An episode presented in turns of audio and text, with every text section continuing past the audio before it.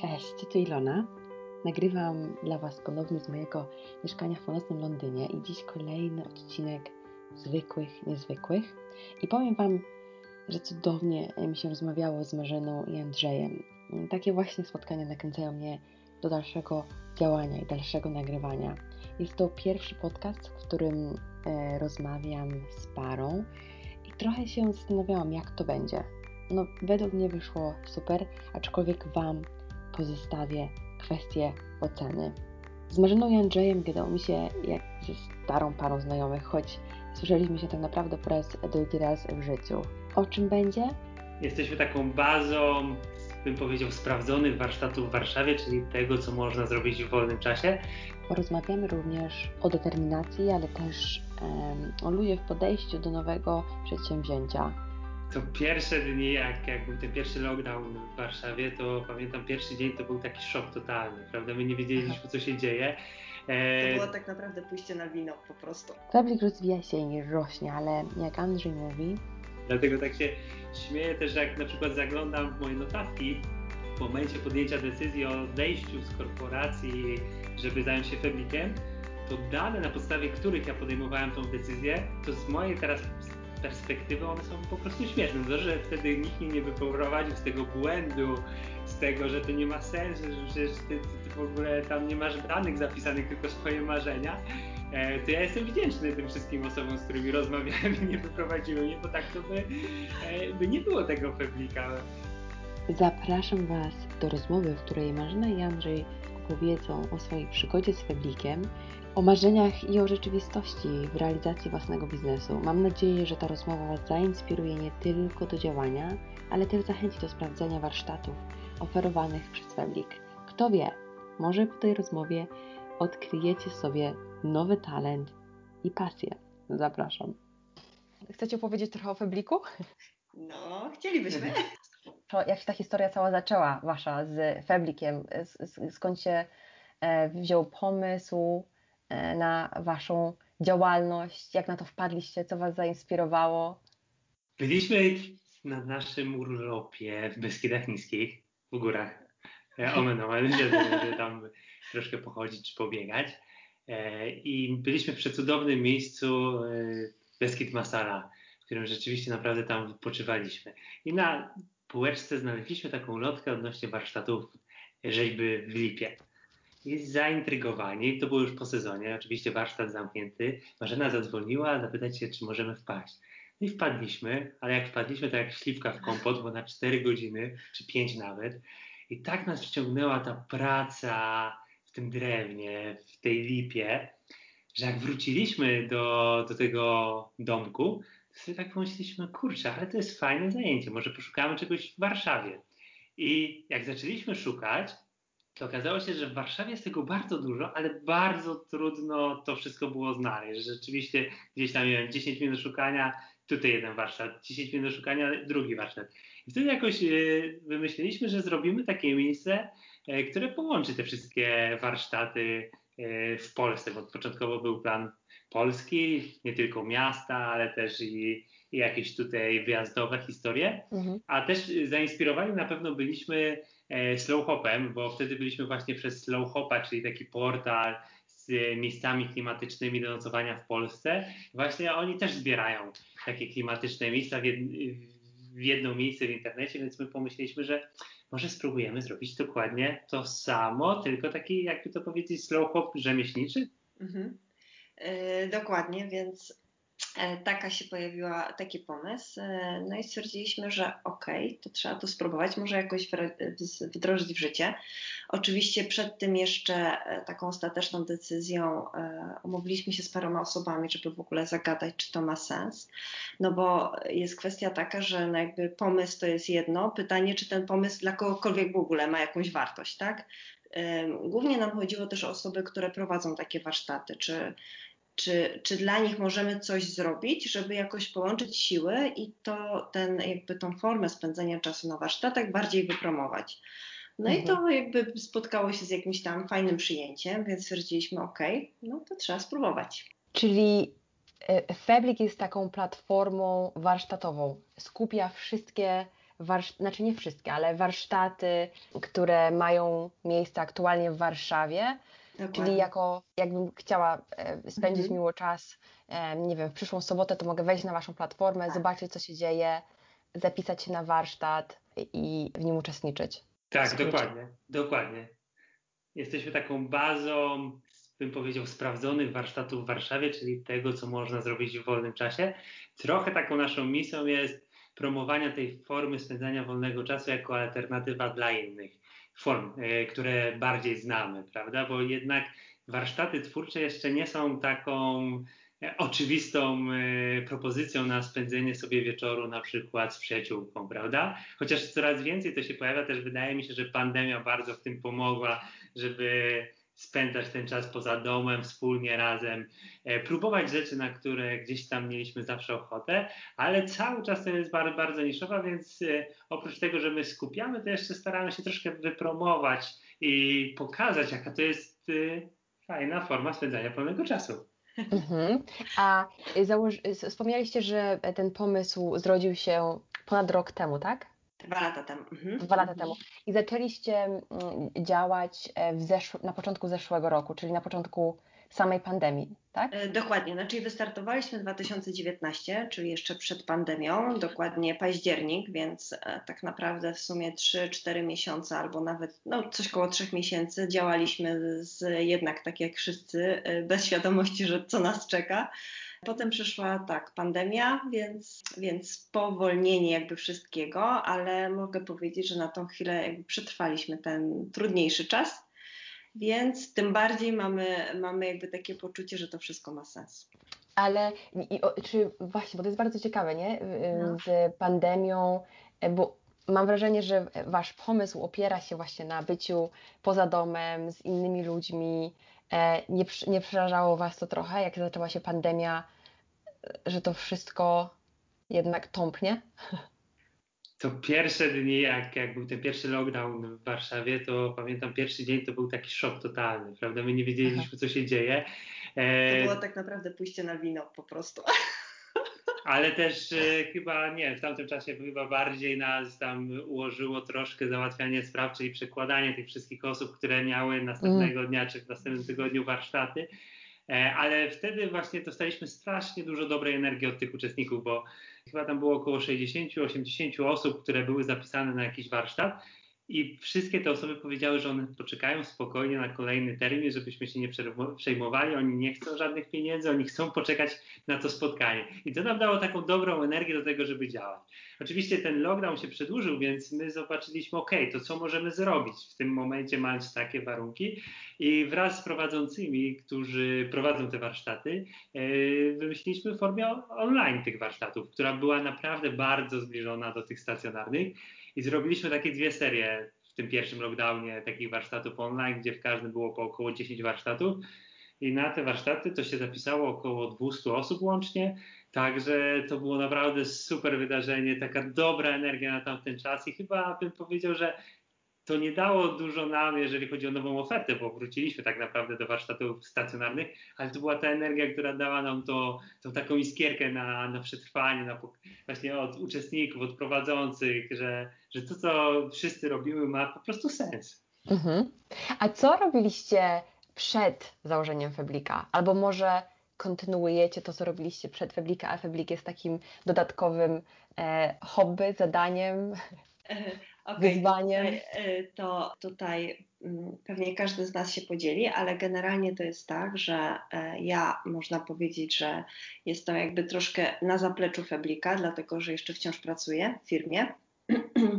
co daje nam też taki troszkę, można powiedzieć, wentyl bezpieczeństwa w sensie finansowym, że to nie jest tak, że musimy jakby zmieniać nasze, e, nie wiem, wartości albo to, jak chcemy, żeby Fabrik wyglądał, z kim chcemy współpracować, czyli robić coś za wszelką cenę, tak? Jak to czasami człowiek ma jakąś wizję biznesu, a potem przechodzą kwestie finansowe, stres, no i troszkę gdzieś tej drogi zbacza, My tak stwierdziliśmy, że chcemy jednak podążać tą drogą, więc e, ja pracuję jeszcze w korporacji, w logistyce, więc zupełnie nie mam nic wspólnego z rzemiosłem, nie, e, nie jakby nigdy e, nic manualnie nie robiłam poza pewnie jakimś hobby, także to jest zupełnie jakby inna, zupełnie dziedzina w moim życiu i, i także, także to, co, to, co jakby wykorzystuję, to pewnie jakby moje cechy charakteru e, i, i jakieś tam potrzeby i misje, żeby, żeby coś z tym fabrikiem zrobić i zrealizować jakby to moje marzenie jakieś tam. E, a Andrzej?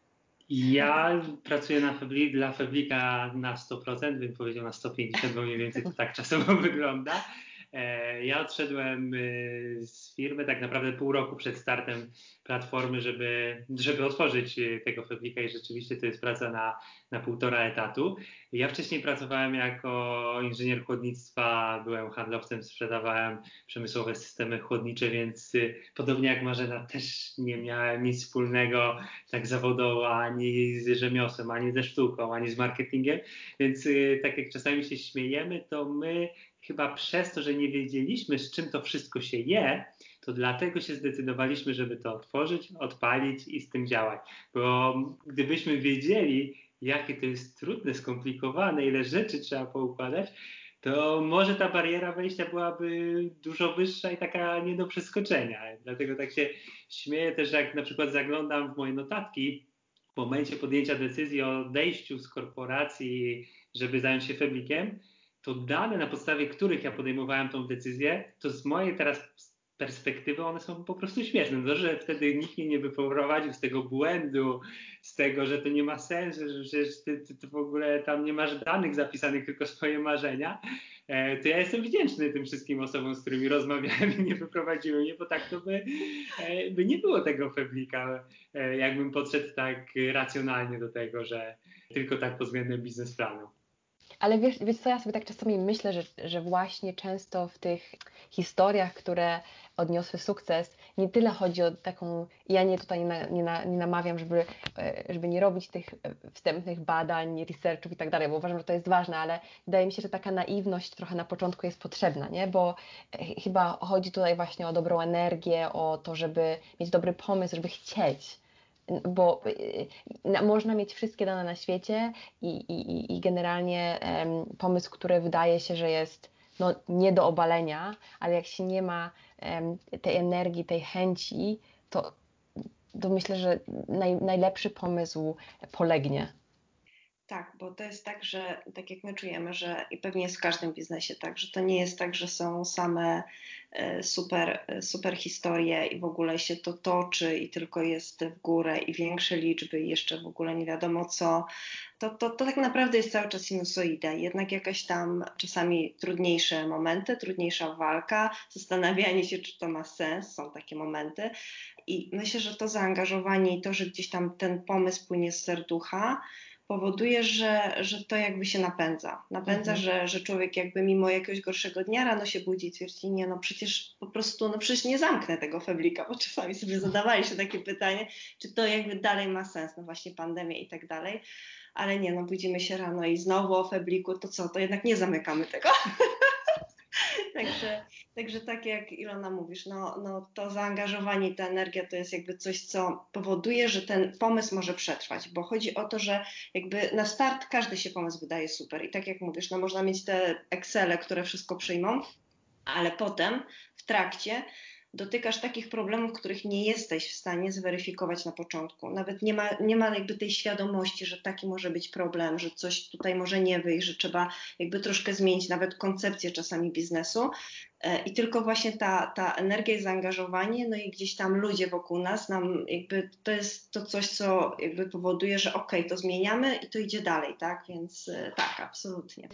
I co Was właśnie najbardziej zaskoczyło Szczególnie podejrzewam na starcie, jak już podjęliście decyzję, że ok, działacie od pomysłu do realizacji, wiadomo, długa droga, ale jak zaczęliście już działać, to było coś, co Was najbardziej zaskoczyło w realizacji tego całego e, przedsięwzięcia? Ja bym powiedział, może nie zaskoczyło, ale co jest takim największym, bym powiedział, wyzwaniem, to jest współpraca z prowadzącymi, czyli tutaj wejście w tą rolę mm, nas jako pośredników, że część chcemy im pomóc, prawda, ale każdy z nich jest zupełnie inną osobowością, każdy inaczej już sobie ułożył ten swój biznes, każdy inaczej działa.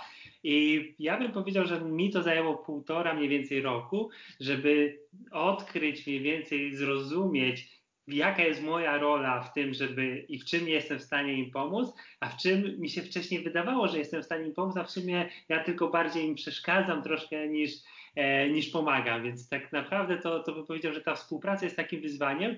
Mhm. Tylko tu, tu podam Ci, Ilona, taki jeden przykład, e, bo tak stwierdziliśmy, że e, też, też to mogę powiedzieć, że my jesteśmy strasznymi gadułami, staramy się nie odpowiadać we dwójkę na każde pytanie, bo potem wiesz, jakby to się rozciąga, pada pytanie, ja odpowiadam Andrzej, no bo tych historii jest mnóstwo, ale to tylko jeden przykład dodam do tego, co Andrzej powiedział, właśnie akurat to było odnośnie warsztatów online, które zrobiliśmy pierwszą serię, e, były warsztaty kosmetyków i dziewczyny po tych warsztatach powiedziały nigdy więcej, bo faktycznie były były to takie warsztaty polegające na tym, że e, mnóstwo składników do tych było odmierzane tak naprawdę e, kroplomierzem, bo to wszystko, no tam jest na miligramy, na krople, no, no tak jak kosmetyki prawdziwe mhm. jakby się robi.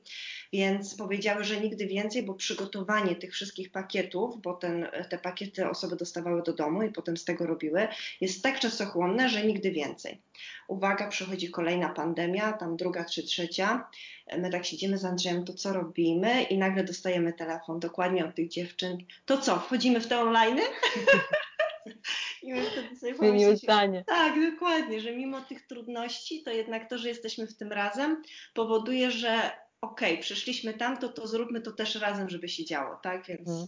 A jak to jest właśnie z tymi, kilka rzeczy właściwie, bo mhm. też byłam zainteresowana dowiedzieć się, mm, jak y, wpadacie na pomysł warsztatu, no to wiadomo, y, wasze warsztaty skupiają się na, nie wiem, tam jak sprawdzałam Waszą stronę, to macie warsztaty e, ceramiki, warsztaty pszczelarskie, robienie portfeli, krzeseł, mnóstwo. To wszystko jest bardzo, wiadomo, jak, jak war, na warsztatach, bardzo manualne i e, wymaga jakichś tam materiałów. Zastanawiam się, jak to jest, czy Wy czy też rzemieślnicy, którzy prowadzą te warsztaty, oferują gotowe materiały czy narzędzia, które będą używane podczas tych warsztatów, czy to jest coś, co osoby, które się zapisują na te warsztaty, muszą same zapewnić sobie, przynieść, kupić? Generalnie idea wszystkich tych warsztatów jest tak, żeby one były dla osób początkujących, które nie mają za bardzo pojęcia o danej tematyce, żeby rzeczywiście przyszły, nauczyły się, zrobiły coś i wyszły z czymś Odpowiedzieć nie mogę tak, że na wszystkich rzeczywiście wszystko zapewniają, bo na przykład warsztaty renowacji mebli polegają na tym, że przychodzimy z własnym meblem, który mamy mhm. i który chcemy odnowić, ale wszystkie niezbędne narzędzia, materiały do odnowienia są już po stronie właśnie prowadzącego czy, czy prowadzącej. Więc, y, więc bym powiedział, że generalnie to jest właśnie tak, że to dla osób początkujących naprawdę nic nie trzeba umieć. My taką rzeczą, z którą też bym powiedział walczymy, to jest takie przekonanie, naszych odbiorców, że my, każdy z nas potrafi ulepić na przykład czarkę, każdy z nas potrafi e, odnowić mebel. To nie jest tak, że my nie potrafimy. Każdy na swój sposób to zrobi, ale my nie mamy żadnej takiej bariery. Każdy z nas jest twórczy. Ja też byłem, ja jestem inżynierem, prawda? I też miałem poczucie takie, że ceramika to nie dla mnie. To jest jedno z większych odkryć moich ostatnich dwóch lat. Jakie to jest super, jakie to jest ekstra, że ja swoimi rękami jestem w stanie coś stworzyć, co może nie wygląda tak idealnie jak to prowadząca, która tam od 10 lat robi, ale to jest coś, z czego na przykład miska korzystam codziennie. Tak, i tutaj bardzo ważną rolą jest właśnie e, rola prowadzących, bo to jakby oni, dzieląc się tą pasją i wiedzą, pomagają nam to wszystko stworzyć. I to jest jakby rzecz której ok, no możemy tutoriale odpalać, wszystkie inne historie, natomiast tu mamy i materiały, i wiedzę, więc tak naprawdę to jest coś, co jakby jest podstawą do tego i zmniejsza wszystkie obawy i wszystkie jakby rzeczy, które przekraczając próg już e, pracowni, to jakby jest flow i już nie ma jakby żadnych lęków i obaw. Mhm. A jeżeli chodzi o miejsce, E, bo też jak właśnie sobie wyobrażałam, e, jak na początku tam e, zaczęliśmy rozmawiać i czytałam o Was, to nie wiem, w głowie miałam takie wyobrażenie, że Wy w swoim pomyśle, wiecie, mieliście jakąś własną przestrzeń, do której, do której zapraszacie rzemieślników i, i odbiorców. Czy to tak działa, czy, czy, czy raczej te zajęcia, warsztaty odbywają się w pracowniach rzemieślników? E, Ilona, dotknęłaś tutaj bardzo ciekawego punktu, ponieważ e, Feblik, jakby pierwsza idea to było miejsce, miejsce fizyczne. Aha. Także absolutnie jakby w pomyśle to było, ale jakby troszkę rynek i badanie tego zweryfikowało, e, dlatego że tak jak wspominałaś właśnie, e, gro takich warsztatów wymaga takiej bardziej profesjonalnej pracowni, tak, bo ceramika to jest piec, to jest jakby e, koło garncarskie i taka historia. Warsztaty nożownicze to z kolei mamy szlifierkę i tak dalej, i tak dalej, więc E, sporo tych pracowni tak naprawdę wymaga takiego dużego zaplecza swojego, e, że, że jednak zostaliśmy z opcją tego, że to będą warsztaty w tych pracowniach. Natomiast e, miejsce jako miejsce fizyczne jest gdzieś na mapie marzeń, żeby też takie miejsce stworzyć i takie było, bo wiele jest też warsztatów, które jakby mogą się odbywać w zupełnie innych miejscach, takich bez, bez właśnie jakiegoś sprzętu i wtedy fajnie byłoby to skupić w jakimś jednym fizycznym miejscu. Więc na razie tym miejscem jest portal, ale, ale wierzę, że gdzieś te, te marzenia jakby są, są, są możliwe i realne, więc e, zarówno marzy nam się jakby e, pojawienie się Feblika w innych miejscach niż Warszawa, w dużych miastach Polski, a może gdzieś kiedyś też i fizycznie, więc, więc to jest na razie strefie marzeń. Ale tak, warsztaty się odbywają w pracowniach e, tych, tych osób, które na co dzień tam robią swoje produkty, które oczywiście sprzedają to rękodzieło, no i dodatkowo jakby prowadzą warsztaty. Mhm. A opowiedzcie teraz jeszcze troszeczkę o samych warsztatach. Macie chyba 150, 100 rzemieślników, z którymi współpracujecie lub jesteście w kontakcie są warsztaty, które faktycznie najbardziej popularne na Waszej platformie. Tak się zastanawiam, czy moglibyście opowiedzieć troszeczkę o rodzaju warsztatów, czyli dla e, osób, które teraz słuchają, jeżeli chciałyby e, spędzić miło sobotę, co jest w Waszej ofercie? To ogólnie rzecz biorąc mamy warsztaty związane ze sztuką, rzemiosłem, lifestylem. E, I jeżeli chodzi o najbardziej popularny warsztat, to jest warsztat ceramiczny I to bym powiedział, to jest jedna trzecia osób, które idą na warsztat, wybierają e, warsztat ceramiczny. Oczywiście też mamy najwięcej pracowni, które prowadzą tego typu warsztaty, ale to jest taki warsztat, który też w rozmowach widzimy, że jak mówimy o tym, że prowadzimy portal warsztatów twórczych, to większość osób mówi, aha, czyli ceramikę macie, czyli, że, że to jest taki pierwszy warsztat, który nam przychodzi do głowy, jak myślimy o warsztacie jakimś manualnym, związanym z tworzeniem. E, jest też bardzo dużo pracowni, która, pracowni, które sprzedają swoje wyroby, więc wydaje nam się, że chwilowo jest taka bardzo duża moda na ceramikę, to, taki trend bym powiedział, może nie moda, taki trend na, na ceramikę, e, zarówno żeby stworzyć samemu, jak i, jak i, jak i kupować też od, od tutaj lokalnych e, rzemieślników. Mm, ale oprócz y, tego najpopularniejszego, to z takich nietypowych z kolei warsztatów, to mamy warsztat nożowniczy, e, gdzie można pójść, zrobić sobie własnoręcznie swój nóż i to jest kawał dobrej roboty, bo to trwa weekend albo dwa weekendy po 8 godzin pracy, ale wychodzimy z własnym nożem. Są też warsztaty takie bardziej dla relaksu, gdzie może troszkę mniej trzeba siły włożyć, czyli jakieś warsztaty na przykład dla słoiku, makramy, Dużo jest warsztatów takich związanych też troszkę mm, z naturą e, i byciem blisko natury, bo e, jeden warsztat to są oczywiście kosmetyki, natomiast inne warsztaty, takie właśnie mam wrażenie, że poznawania roślin i ich możliwości to są wszelkiego rodzaju jakby fajne warsztaty farbienia. I tutaj jakby mówię o takiej farbieniu jedwabiu, czyli własne jakieś tam apaszki albo własnego całego jakby jakieś chusty. I to są niesamowite jakby historie, ponieważ tam wykorzystujemy rośliny i minerały i to jak one się wybarwiają, to to, to jest po prostu e, jakby takie bardzo relaksujące, magiczne przeżycie, więc, więc uważam, że też bardzo takie warsztaty rozwijające. Jeszcze z warsztatów takich popularnych to na pewno stolarskie. To też bym powiedział, oprócz ceramiki, stolarskie, renowacje mebli, też związane w jakikolwiek sposób z drewnem.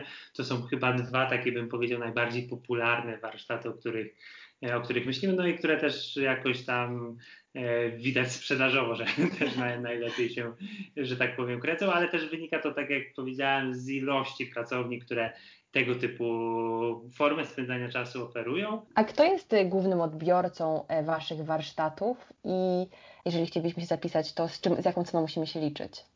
Najtańsze warsztaty to jest poziom 100-150 zł. E, najdroższy warsztat to bym powiedział, że to jest 1500-1700 zł u nas.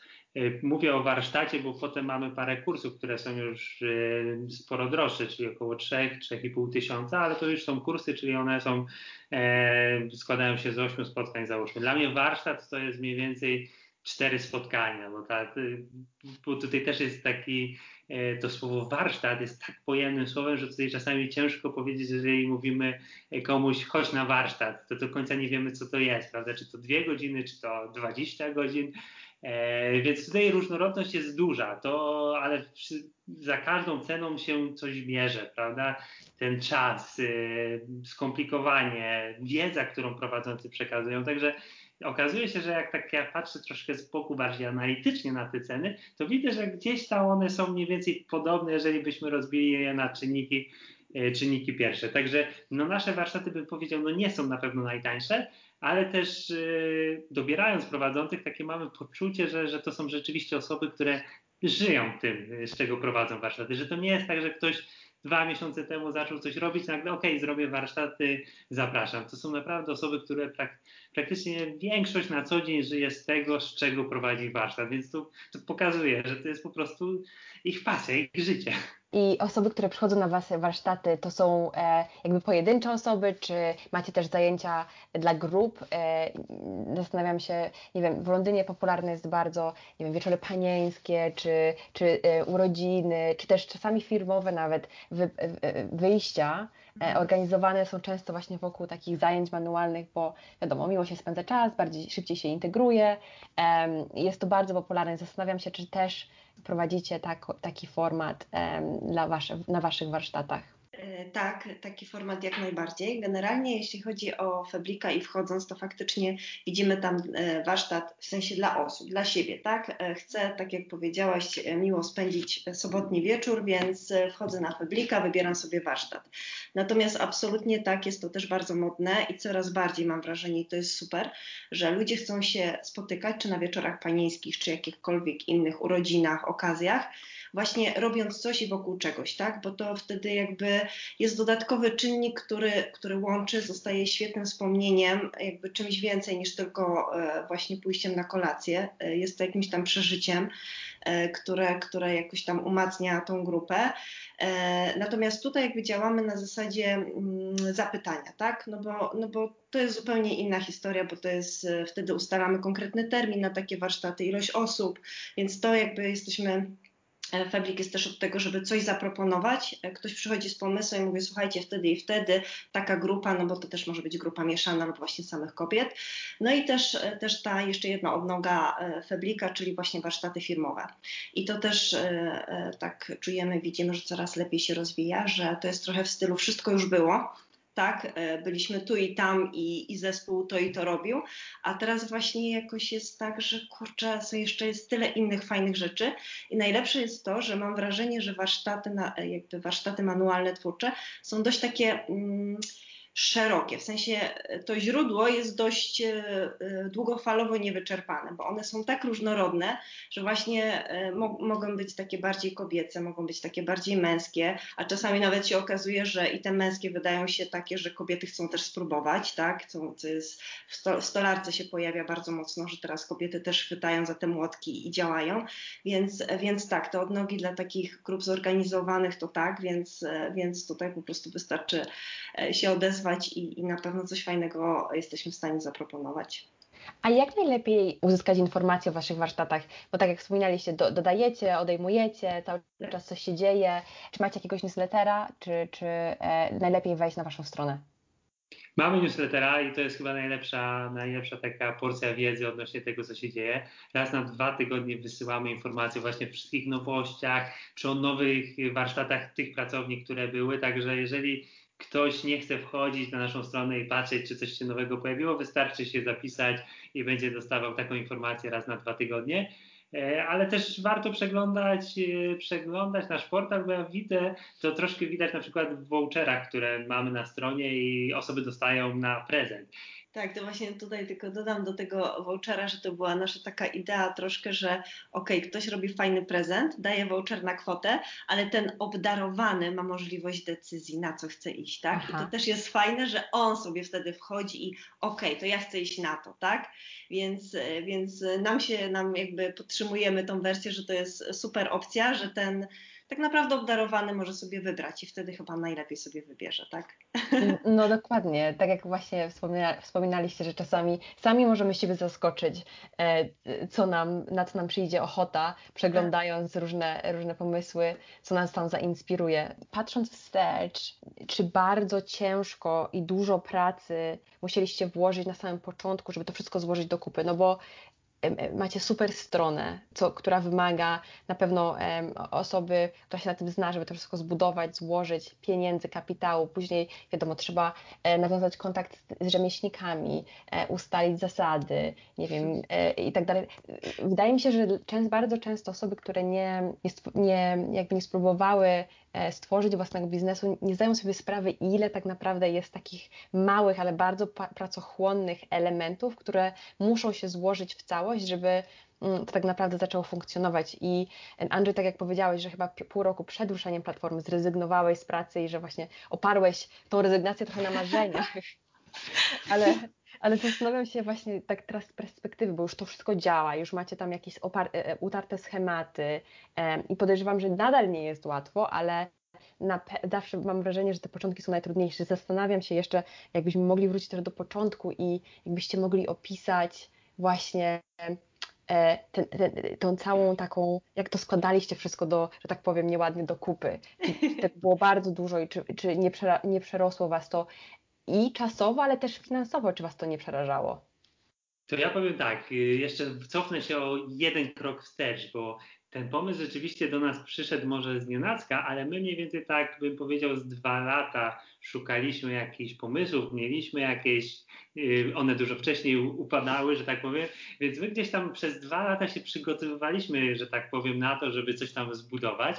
E, I to też troszkę finansowo się przygotowaliśmy. Także ten krok, że tak powiem, o rezygnacji był też takim krokiem pewnym, bo mieliśmy kapitał na to, żeby, żeby przeznaczyć na budowanie e, platformy. Może on był, nie był gigantyczny, bo wiadomo, teraz inwestorzy mają miliony, ale, ale był on wystarczający na to, żeby w te pół roku. I my sobie tak naprawdę założyliśmy, y, w momencie mojego odejścia, my byliśmy po wielu rozmowach z naszymi przyjaciółmi, znajomymi, paroma prowadzącymi, czy to ma sens. I, I, przez te pół roku my sobie założyliśmy od początku termin, że przez te pół roku budujemy portal. I tak naprawdę, co było moim zdaniem ważne z perspektywy, że określiliśmy sobie ten czas i odpaliliśmy portal który naprawdę, bo to, co teraz widać, to jest już zupełnie inna strona graficzna, inaczej wygląda, ale to tak jak odpaliłem, to no to cieszę się, że on się odpalił, bo, bo, bo, dzięki temu, że odpalił się on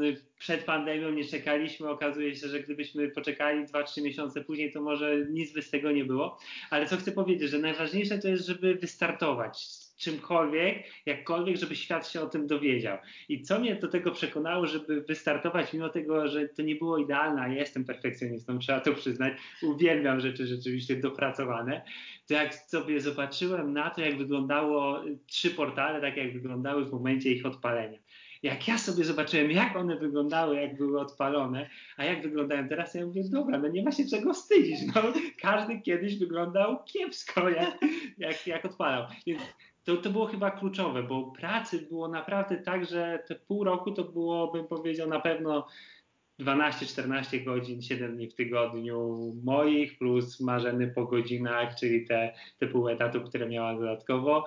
E, naprawdę dzień, dzień w dzień, bo to cały czas było i to jeszcze w takim momencie, że, że tej pracy, gdybyśmy mieli drugie 14 godzin, na pewno by się znalazło, bo to mm. i możemy to zrobić i tamto. Więc jeżeli sobie nie damy żadnych takich przedziałów czasowych na to, żeby wystartować, to ja obstawiam, że moglibyśmy ciągnąć. Więc dla mnie z perspektywy patrząc, kluczowe jest to, żeby sobie dać jakiś czas. Tak samo jak teraz. Rozwijamy cały czas Feblika, też mamy jakieś nasze wskaźniki, jakiś czas, mówimy OK, dojdziemy do tego momentu, to znaczy, że dalej warto iść i tak dalej, i tak dalej, żeby się weryfikować troszkę, nie tak iść za tymi marzeniami tylko i wyłącznie, bo, bo gdzieś tam można się pogubić, a też czas, często warto wracać na tą naszą drogę, bo my czasami możemy troszkę skręcić, ale jak wrócimy do tych początków, to, to, to wracamy.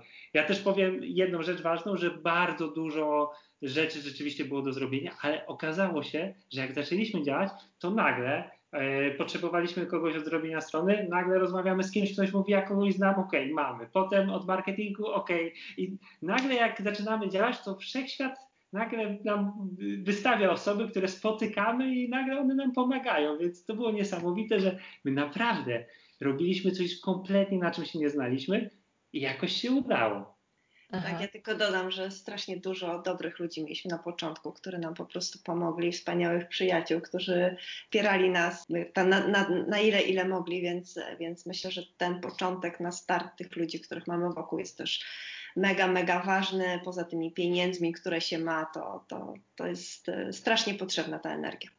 Wiecie co, i to jest właśnie coś, co wiele osób powtarzało, że tak naprawdę, wiadomo, pieniądze są ważne i trzeba tam mieć jakąś, jakieś bezpieczeństwo i, i jakiś plan e, na jakiś tam czas, ale, ale generalnie to, co Wy podkreśliliście też właśnie, żeby wystartować, że to nie musi być idealne. I też tak sobie myślę, że jeżeli się dąży do tego właśnie takiego pierwszego produktu na samym początku, do jego, żeby on był idealny, to um, później tak naprawdę czas wszystko, jak powiedziałeś Andrzej, weryfikuje, że, że na, nasze wyobrażenie o tym, co się może sprzedać, co się może podobać, może być zupełnie inne um, od tego, co tak naprawdę zażre i, i co, co siądzie. E, więc też nie ma co, wydaje mi się, przekomplikowywać na początku, tylko właśnie ruszyć powoli i, i, i napędzać tą maszynę. A to, że właśnie, no właśnie ta, ta pomoc ludzi na początku, też właśnie wiele osób wspomina o tym, że to jest niezwykle ważne i ułatwia w tych wszystkich przedsięwzięciach i, jest takim ważnym elementem, e, żeby, żeby to zadziałało, nie?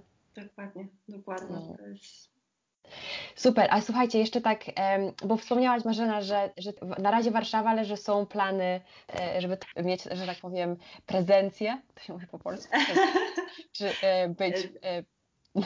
Być też tak w innych miastach i, i to jest bardzo, bardzo mocny, intensywny plan. Natomiast tak naprawdę mieliśmy zacząć już te wakacje, ale jest jeszcze parę rzeczy, które stwierdziliśmy, że jeszcze tu chcemy dopracować, żeby taką mieć pewność, że to po prostu gdzie indziej e, już e, wypali, tak, e, tak jak mam. Pewnie inne rzeczy nas zaskoczą, ale, ale chcemy się jeszcze tutaj chwilkę przygotować, tym bardziej, że ten w Warszawie jeszcze wciąż jest spory potencjał, więc myślę, że bliżej końca roku taki jest. Tak, ja potwierdzam, ja mogę to potwierdzić, że, że ruszamy pod koniec roku. Trochę oczywiście pandemia tak. nam, nas spowolniła, ale ja też patrzę na to z dobrej strony, że ona tak naprawdę pozwoliła nam ułożyć sporo rzeczy, których byśmy nie ułożyli i śmieję się, żebyśmy latali z tą pustą taczką i w sumie nie wiedzieli, czemu jesteśmy tacy zmęczeni, że rzeczywiście to, że ta pandemia spowodowała, oczywiście jakoś mieliśmy też jakichś ludzi, którzy nam pomogli przetrwać na zasadzie tych warsztatów online, ale rzeczywiście bardzo dużo rzeczy sobie ułożyliśmy pozmienialiśmy, można powiedzieć, też zmieniliśmy troszkę model biznesowy. Tak, i tutaj jest jeszcze właśnie jeden case, to jest troszkę tak jak z prowadzącymi rozmawiamy, że jest część rzeczy, których e, nie muszą robić i w zasadzie nawet bez sensu, żeby robili, e, więc my przejmujemy te rzeczy, których oni nie chcą, ale to jest też trochę tak, że prezentując to dla nich, też sami sobie uświadamiamy, że my jako Feblik też nie wszystkie rzeczy musimy robić, tak? Więc chodzi o to, żeby jednak e, tak jak ktoś ładnie powiedział, nie pamiętam co, to nie było życie wokół Feblika, tylko e, Feblik wokół nas, tak? Więc, e, więc też taki powrót do korzeni, ok, ale jest jeszcze życie i tylko wtedy, jak my będziemy mieli energię, ten Feblik będzie taką energią, jak chcemy, więc też musimy ładować te akumulatory. Są rzeczy, które faktycznie możemy już próbować dać na zewnątrz, układać to jakoś też jakoś tak, że sami sobą reprezentujemy to, że można prowadzić firmę i robić tam rzeczy, które chcemy, bo, bo w tych innych mogą nam pomóc inni ludzie i specjaliści. Więc... Którzy są lepsi, Dokładnie. dużo lepsi w tym, co, co im dajemy więc... do zrobienia. Po prostu to jest niesamowite, tak, jak, więc... jak to, to są nasze też ograniczenia, to też odkryłem, prawda, że mi się wydawało, że ja zrobię niektóre rzeczy najlepiej. Absolutnie to nie jest prawda. Tak, więc fajnie właśnie podążać z tym, co, co, co się lubi, co się potrafi, albo nawet uczyć się czegoś, ale e, to, co nam spełnia frajdę, to po prostu odkrywamy, że tak, to być może też jest na naszej drodze, a te wszystkie inne rzeczy też, też móc się wspierać, ale to jest fajne, bo to poszerza jakby tą perspektywę znowu współpracy z innymi ludźmi, więc, e, więc tak, tak, takie mamy przemyślenia też odnośnie samego Feblika. A powiedzcie mi, z czego patrząc wstecz, z czego jesteście najbardziej dumni? Czy zainteresowanie i sukces Feblika przerósł troszeczkę Wasze oczekiwania? Czy jesteście, czy, czy jest, jesteście w miejscu, w którym chcieli, planowaliście, że będziecie? Ja bym powiedział, że może oczekiwania, ja zawsze chyba mam większe oczekiwania niż nawet jak idą one w dobrym kierunku, to ja potem sobie wrzucam poprzeczkę jeszcze wyżej, bo widzę, że ta jest do przeskoczenia bardzo prosto. E, na pewno pandemia troszkę spowodowała, że zwolniliśmy pod względem takich oczekiwań tego, gdzie, w którym miejscu chciałbym być, ale tak jak mówię, wszystkie może pod względem ilości sprzedanych miejsc nie udało się tyle sprzedać miejsc na warsztaty, ile bym chciał, żeby się sprzedało, ale pod względem innych rzeczy jesteśmy w zupełnie innym miejscu, niż bym sobie wyobrażał. Tak jak strona wygląda, tak jak mamy współpracę pobudowane z tymi prowadzącymi, to jest coś tak, tak niesamowitego, że. Yy, no, to staje. Ja, ja chyba najbardziej jestem, to troszkę jest tak, że my w Feblika zakładaliśmy, żeby pracować z ludźmi, yy, z dobrą energią i mamy tych ludzi, więc ja jestem chyba z tego najbardziej dumny, że zarówno i prowadzący, i osoby, które działają z nami, które dbają o na przykład od strony informatycznej o naszą stronę, czy piszą teksty dla nas, to są tak niesamowite wszystkie osoby, że to jest przyjemność po prostu pracować z nimi. Tak, ja, ja chyba jeszcze tylko dodam do tego, co powiedział Andrzej, absolutnie się zgadzam, że dla mnie też taką E, miarą e, takiego sukcesu Fablika jest to, że każda osoba, która kupiła warsztat, dla mnie oznacza, że w jakiś sposób zaufała nam. Zaufała, że te pracownie są super, że chce uczestniczyć w tych warsztatach, że w sumie, no nie znając nas, e, stwierdziła, że okej, okay, w zasadzie kupię tu warsztat i idę, i one wracają zadowolone. I to jest chyba taki e, najfajniejszy feedback z tego wszystkiego, więc. E, ja się śmieję z naszego systemu ocen że mamy trochę fejkowy, bo tam na chyba 100 opinii mamy jedną trójkę i same piątki. I tak mówię sobie, że jak ktoś to czyta, to mówi, przecież to niemożliwe, same piątki.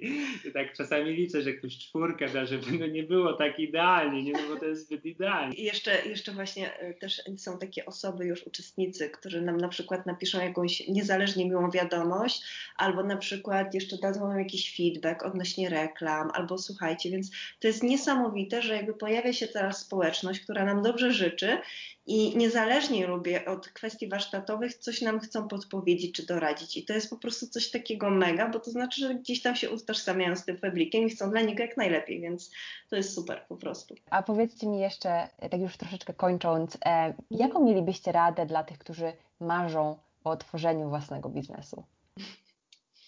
To ja mam dwie rady na pewno. Pamiętam pierwsze słowo, które sobie dałem na pierwszy rok działania Fabrika, to było działaj, żeby mówić, komunikować o tym, co chce się zrobić. My pierwsze, co zrobiliśmy, zrobiliśmy spotkania z naszymi przyjaciółmi, znajomymi, opowiadaliśmy o naszym pomyśle o Fabriku i nagle z tego naszego marzenia, nagle to była informacja, które, którą znało już, nie wiem, 20-30 osób. Potem jakieś szkolenia. Także przede wszystkim działać, działać, żeby ludzie się dowiedzieli, co chcemy zrobić, a wtedy nam pomogą to zrobić po prostu. E, a na drugi rok z kolei moje słowo bo to była cierpliwość.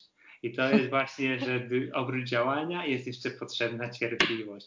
Bo to nie jest tak, że wychodzimy z pomysłem, wychodzimy z czymś i cały świat na nas czeka. On czeka.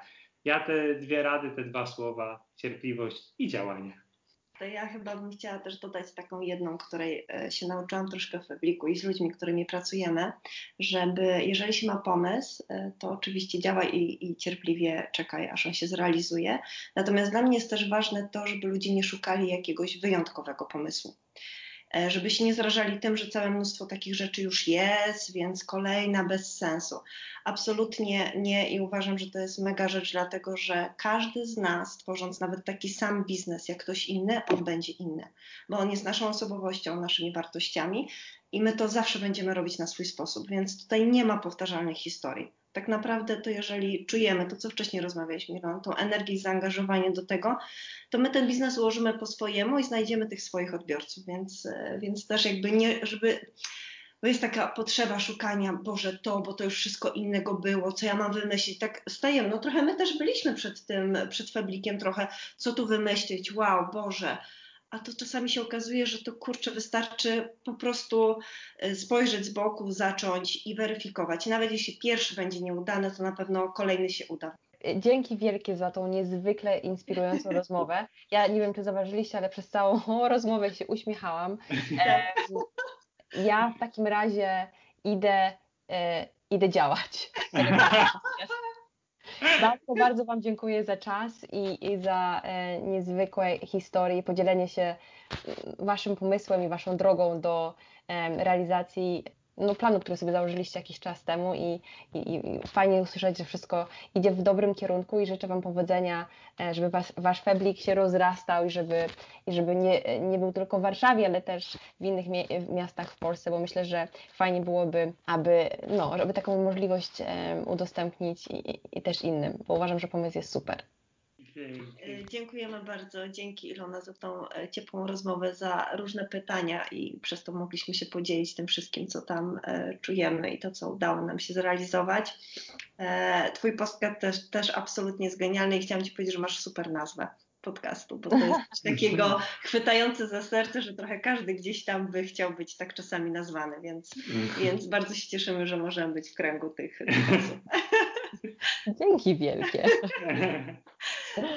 Także dziękujemy ślicznie i mm, co? I dobrego wieczoru, weekendu. I Wam również. Dzięki.